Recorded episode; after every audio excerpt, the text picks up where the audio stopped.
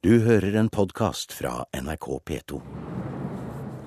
Så bak kassen her blir jo inngangen. Akkurat. Nordvestpassasjen. Dette er jo tunnelen mellom eh, byggene. Det er fortsatt en byggeplass, men inne i Fram-museet på Bygdøy i Oslo, bak noen kasser som direktør Geir Kløver skyver til side, finner vi den nye Nordvestpassasjen. En underjordisk korridor som skal forbinde Framhuset med det nye vernebygget for Gjøa. Etter eh, dialog med Oslo kommune så ble jo bygget plassert et stykke unna for at du skal opprettholde siktlinjer og sånne ting. Og da er det jo tvingende nødvendighet å binde byggene sammen, og det er jo en underjordisk passasje som faktisk går rett nordvest. Sånn at, Det er helt eh. Det er helt strålende. Så det er en 30 meter lang, 5 meter bred og 3 meter høy tunnel. Hvor vi da skal eh, fortelle historiene fra de tidlige forsøkene på Nordvestpassasjen. Det er, det er jo rett og slett en forlengelse av Framhuset her under bakken, kan man si. da. Så Det er jo da et tillegg til eh, museet. Og hva kunne være bedre enn å ha en sånn underjordisk gang? Særlig når man tenker på hvordan det så ut på Polheim, eh, hvor man gravde ut under isen også. Det er riktig. Og så er det jo allerede fem år etter Columbus så prøvde jo de store sjøfartsnasjonene å finne en raskere vei til Østen. Og det gikk jo veldig galt i 400 år. Det er 40 forsvunne skip og mange hundre døde menn før da Amundsen kommer. Så i denne tunnelen så blir det jo da eh, fortellinger fra de tidlige forsøkene. Så kommer vi da opp i det nye bygget hvor da Gjøa står der i all sin prakt, og vi skal fortelle mer av historien. Så en vi flott kan ting. jo- Går det an å gå inn der nå? Ja, eller? vi kan jo prøve å gå. Ja, vi kan bli blant de første som finner Nordvestpassasjen. Hei da. I dette programmet skal vi både kikke nærmere på det nye vernebygget, og vi skal møte Roland Huntford, den britiske forfatteren som i 1979 snudde opp ned på hvordan i hvert fall engelskmennene så på forholdet mellom Scott og Amundsen. Men først og fremst skal det handle om Gjøa i dag. Og det vi hører i bakgrunnen her, er de spesielle vokallydene. Sangen som er så typisk for de arktiske inuittene. Den som synger, er en kvinne ved navn Maki Potolik. I 2006 kom hun helt fra Gjøahavn i Nord-Canada for å feire 100-årsjubileet for gjennomseilingen av Nordvestpassasjen. Den gangen sto Gjøa ute i friluft, og museum fikk en tur opp leiren med forskerne Susan Barr og Bård Koltveit. De nederste bordgangene kan vi kalle Gjøa 2, sa Koltveit. Ja, resten er jo da Jeg kaller det for Gjøa 3 eller Gjøa 4. Jeg. Og det skyldes jo Når jeg sier Gjøa 2, så var det fordi at den ble jo først reparert etter havariet i Lofoten i 1882, etter første fasen som, som kystfartøy. Men så, da den kom til eh, Amerika, så ble gjengikk en del reparasjoner der også. En ganske omfattende en i eh, slutten av 40-årene. Og da kan du vel si at det som nå er igjen av det opprinnelige, det lå såpass langt nede at der kom det ikke til. Og så bygget de opp da mer eller mindre et nytt fartøy, som da ble Gjøa 3. Og den kom da til Norge i 1972 og så tilsynelatende veldig bra ut. Det var nymalt. Men når vi begynte å pirke i treverket, så oppdaga vi det at omtrent alt det treverket som var satt inn der borte, det var angrepet av kullfyr. Så vi måtte bare begynne på nytt, rett og slett. Så det er egentlig Gjøa 4 vi ser her nå. Ja, jeg kaller det for Gjøa 4, men du kan vel si at det viktigste er at Gjøas eh, Amundsen forserte Nordvestpassasjen på én kjøl, og kjølen er der fortsatt. Det var godt å høre, ja. Den ble satt opp på land i parken ved siden av Golden Gate, og det var et kremsted å være. Det var jo midt i, i, eh, i eh, alt som skjedde der. Men allikevel, det ble veldig tæret på vær og vind der. Og så ble det mye hærverk om bord. Og, og det ble tent opp bål under skipet og, og på det flere ganger. Og, og knusing og festing osv. Men samtidig må det sies at det også ble bedrevet en god del vedlikehold i perioder. Så det, det var litt opp og ned-tilværelse der. Men da var jo Roald Amundsen eh, verdensberømt på denne tiden, og ble jo bare enda mer berømt i 1911 med Sydpolen osv. Så, videre. så det var, har du fortalt, en ganske stor turistattraksjon der i San Francisco å komme til Roald Amundsens båt som altså sto der. Det var en veldig stor attraksjon. og Da skipet ble gitt til Norge i, i 1972, så var det veldig mange stemmer i byen som sa at å, vi ikke må miste denne attraksjonen her. Så, så, den var ikke forlatt og uønsket på noen måte. Men det var vanskelig å holde henne ved like. Eh, og det var jo takket være nordmenn eh, eller norske amerikanere i byen der at hun faktisk ble eh, holdt ved like for det meste. Og den store bragden Roald Amundsen gjorde med Gjøa, selve grunnen til at denne relativt beskjedne båten er blitt en del av verdens sjøfarts- og polarhistorie, det er at forsøket på å finne veien fra øst til vest, nord for det amerikanske fastlandet, det var noe som de store sjøfartsnasjonene hadde gjort iherdige forsøk på i mange generasjoner med berømte oppdagere. Det var et av de virkelig store målene, og gjennom 400 år så hadde man forsøkt å komme seg gjennom denne, denne mm, sagnomsuste passasjen, som man egentlig ikke visste uh, hvordan var. Men før Amundsen dro, så visste han hvordan det var. For da hadde så mange ekspedisjoner forsøkt seg og kartlagt litt her og litt der, at uh, ved å lese gjennom alle de gamle beretningene og se på de gamle kartene, så visste han egentlig nøyaktig hvor han skulle seile. Til og med den siste biten rundt uh, King William Island, som var den aller vanskeligste, den visste han om. Den, den hadde han um, Eller det var det gitt beskjed om 40 år tidligere, at det måtte være den veien man skulle dra. Men én ting er jo hvordan det ser ut på et kart eller deler av forskjellige kart og overleveringer fra andre. Noe annet er å gjennomføre det i praksis. Ja, han hadde jo ligget to år i Gjøhavn ved King William Island, og så hadde de seilt videre gjennom en veldig vanskelig, grunn og øyrik del av passasjen. Og så kom de gjennom det eh, etter mye strev, og så så de et skip. Og da visste han nå er vi fremme, nå har vi kommet igjennom. Som de aller første på ett skip og i en ekspedisjon. Nå er jo ikke passasjen bare én vei. Eh, det er bare rett og slett å komme seg fra øst til vest eller vest til øst nord for fastlandet i Nord-Amerika. Eh, så man kan prøve forskjellige veier. Men eh, isen har lett for å samle seg i bestemte deler av øyriket der. Og de som tidligere hadde prøvd, de hadde blitt stoppet av isen.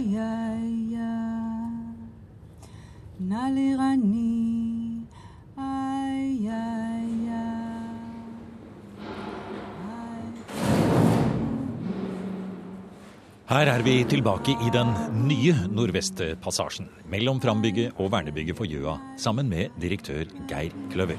Utforskningen av Nordvestpassasjen ble jo voldsomt mytisk. ikke sant? Vi kjenner alle til Franklins ekspedisjon som ble forsvant, og de leter jo fortsatt etter skipene 150 år etter. Sånn at uh, her skal vi skape litt av den stemningen. For det var jo redsel, det var mytologi, det var uh, voldsomt med eventyr om dette her.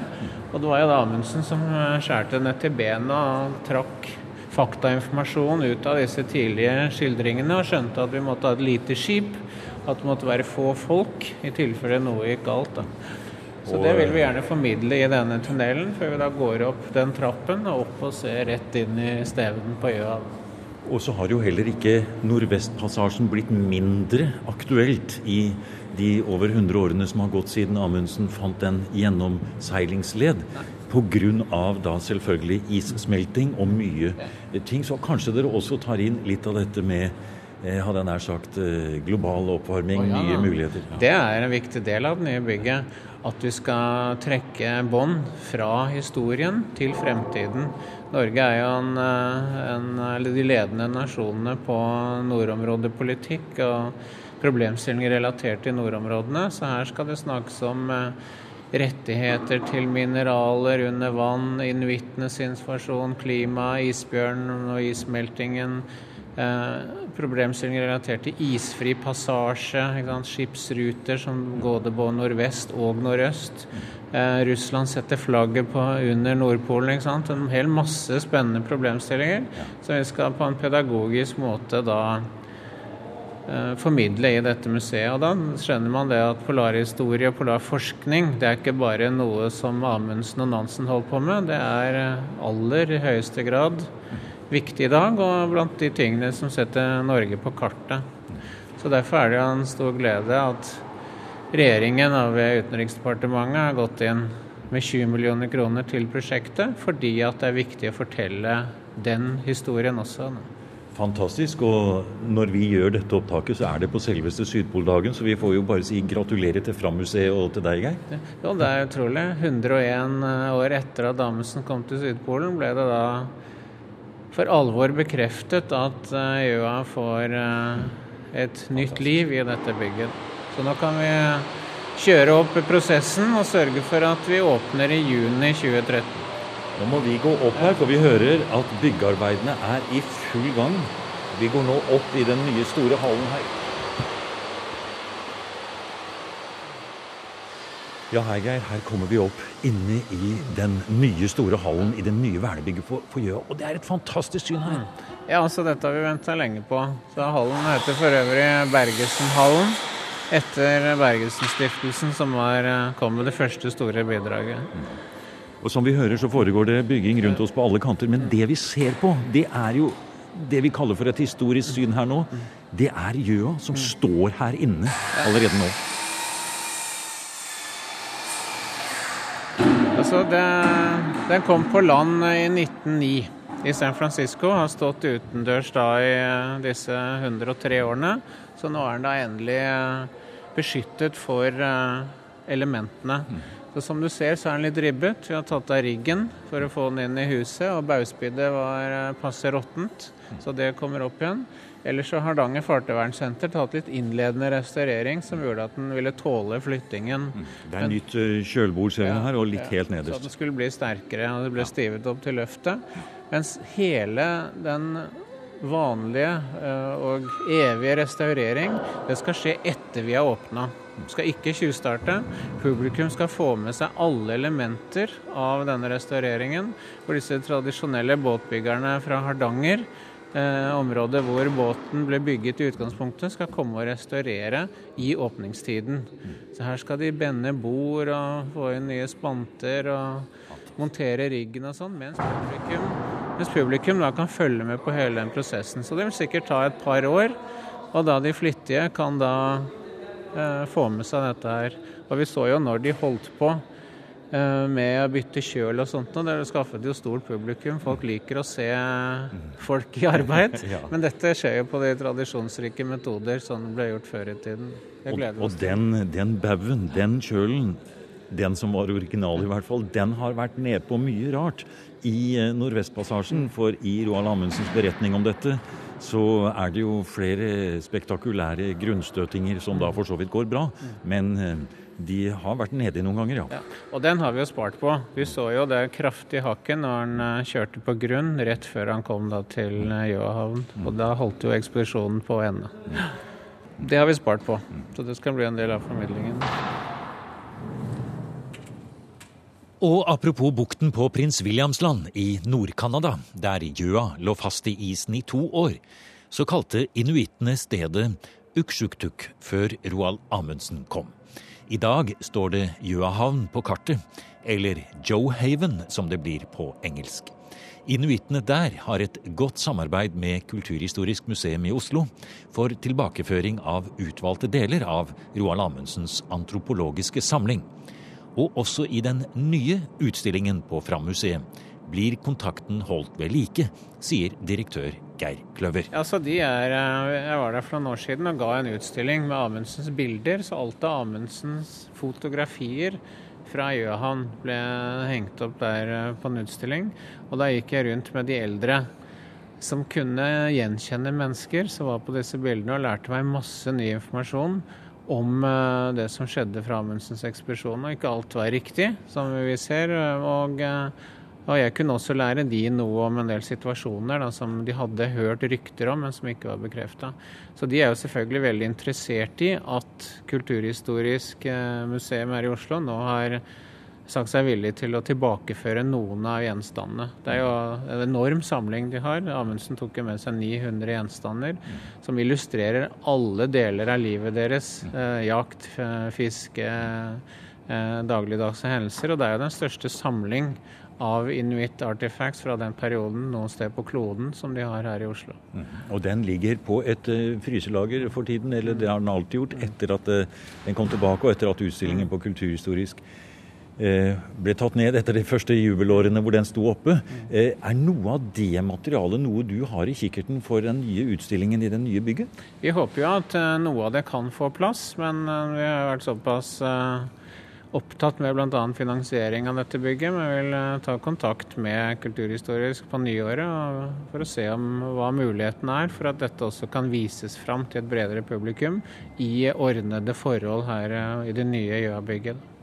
For at uh, historien om dagens Gjøhavn skal fortelles, men også selvfølgelig perioden Amundsen brukte der, som viste seg å være så viktig for hans videre liv i i Arktis og Antarktis.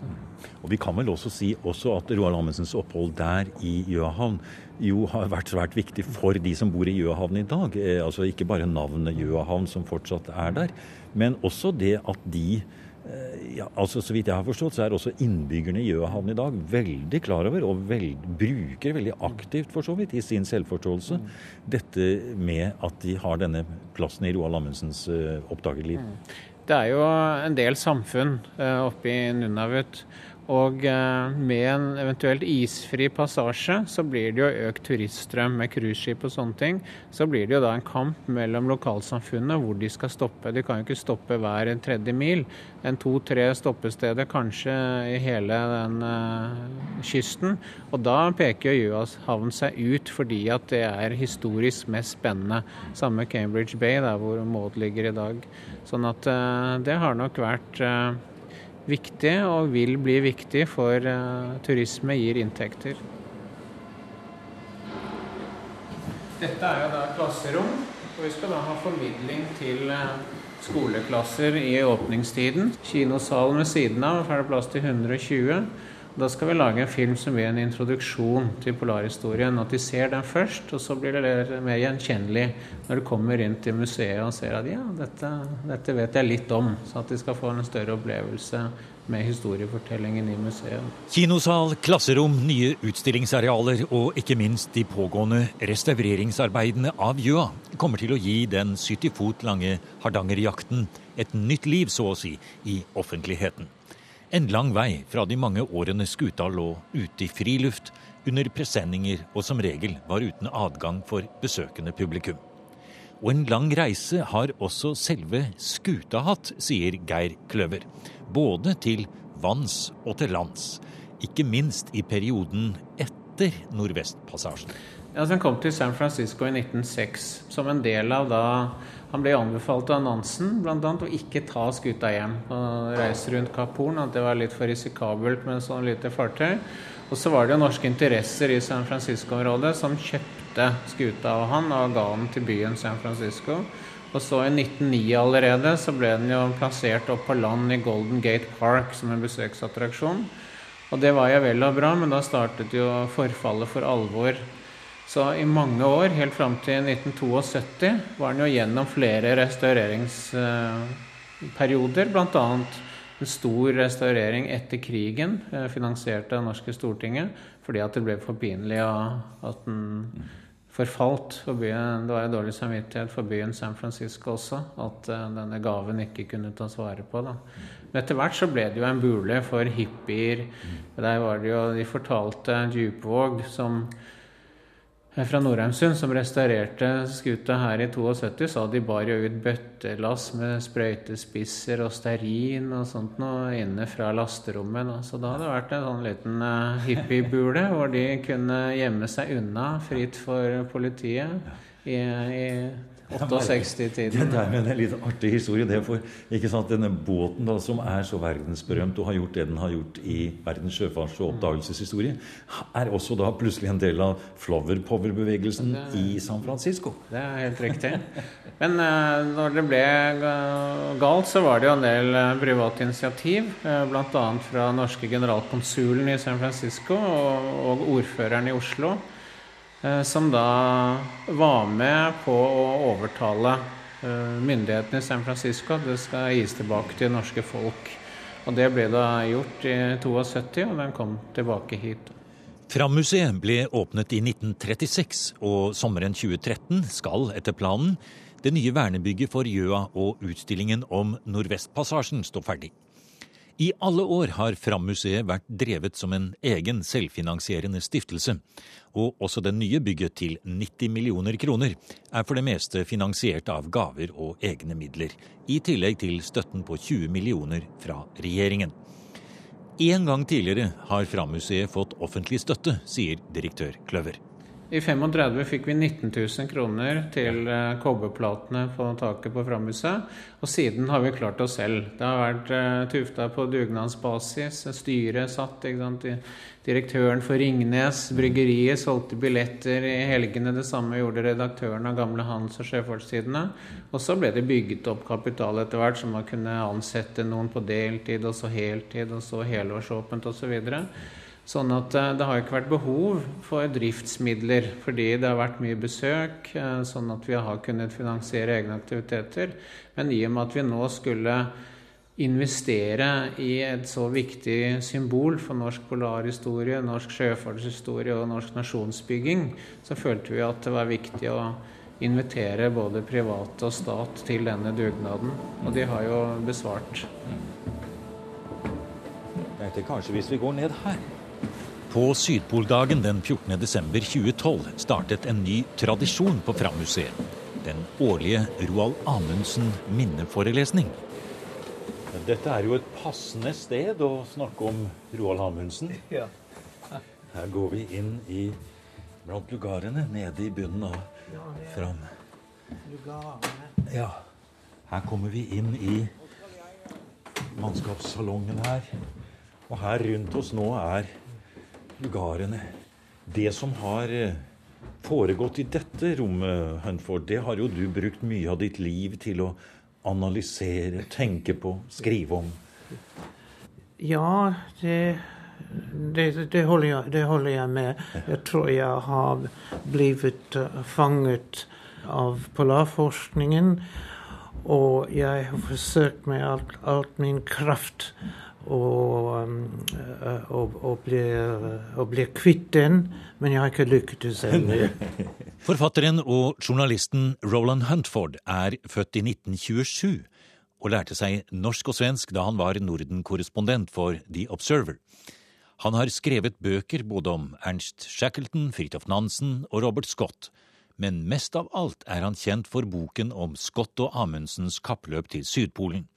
Den kom ut i 1979 og vakte sterk oppsikt, ikke minst i England. Ja, det er vanskelig for meg å forklare, men det er kanskje at jeg hadde vendt opp og ned med den gjengse meningen, og av den grunn ble folk eh, forarget av meg. Eh, men jeg tror det, det, det, er det som kanskje forklarer den mottakelse som, som, den har fått. For det venter opp og ned på den vanlige meningen. Den vanlige meningen var, før Huntfords bok, at Scott hadde vært uheldig, gjort et hederlig forsøk, men blitt slått av en norsk amatør som lot trekkhundene gjøre jobben. Men sånn var det ikke, sier Huntford, som i sin bok beskrev Amundsen som en ekspert skiløper, dyktig organisator og grundig planlegger. På motsatt siden var Scott og sine reisefeller totalt uegnet til den målet de hadde satt til seg. Og jeg så på Scott som den type av middelmådighet og um, ukunnig mann. Den type som har ført til, den, til landets under nedgang. Den, til, til, Storbritanniens nedgang. Det, han, han, representerte den type av, av, av middelmådighetsdyrkelse. Fordi uh, poenget er det fantes folk i England som kunne ha konkurrert med Amundsen og kanskje slått ham, men de fikk ikke sjansen på det. Kort sagt, jeg ville, jeg ville forsøke å sette Amundsen i en større historisk sammenheng, slik som jeg ser den. Han ikke bare vant kappløpet mot Sydpolen og dermed satt punktum til uh, polarforskningen, men han også sluttet en hel tidsalder som var oppdagelsesreisende tidsalder, som begynte i 15. århundre med Columbus som oppdaget Amerika. Så Hans uh, Amundsen satte punkt på det på Sydpoldagen for, for 101 år siden. Og minnet etter Roald Amundsen, hvordan er det i dag i forhold til all den tiden som har gått, og hvordan vil, tror du, fremtidige uh, nye generasjoner se på Roald Amundsens arbeid? Jeg tror de skal se ham som den teknisk fullkomne uh, polarreisende, og etter min mening den største polarforskere som noensinne fantes. Du har nå hørt programmet Museum som podkast fra NRK. Museum sendes i NRK P2 på lørdager klokken 16 og søndag morgen klokken 8. E-postadressen er museum.krøllalfa.nrk.no. Og nå har museum også en side på Facebook.